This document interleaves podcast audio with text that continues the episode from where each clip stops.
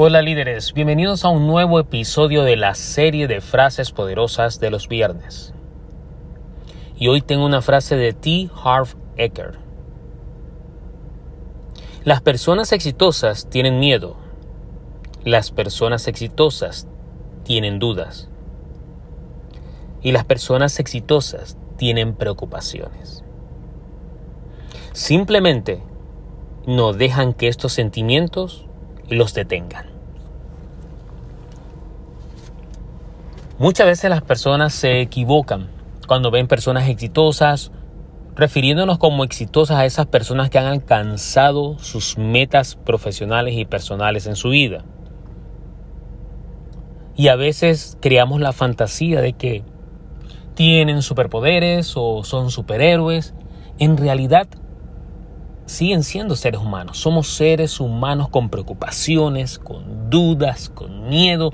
La diferencia es, la diferencia es de que a pesar de experimentar esos sentimientos, las mismas dudas, preocupaciones y miedos que todos tenemos, no permiten, las personas exitosas no permiten que esos sentimientos los detengan en su camino a alcanzar sus sueños, alcanzar sus metas.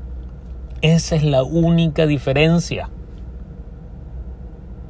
Así que no estemos inventándonos cosas, no estemos fantaseando con cosas.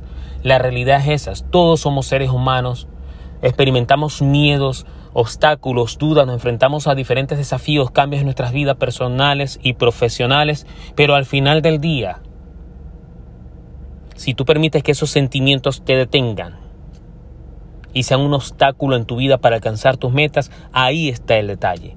Esa es la diferencia. Así que si quieres convertirte en una persona exitosa, no tienes que dejar tus miedos, no tienes que dejar tus dudas, tus preocupaciones, tu incertidumbre.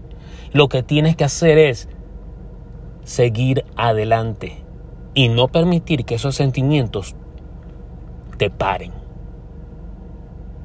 Créeme, Sigue experimentando todas tus emociones y tus sentimientos, pero no permitan que te detengan. Esa es la única forma en la que podrás seguir adelante y algún día alcanzar tus metas.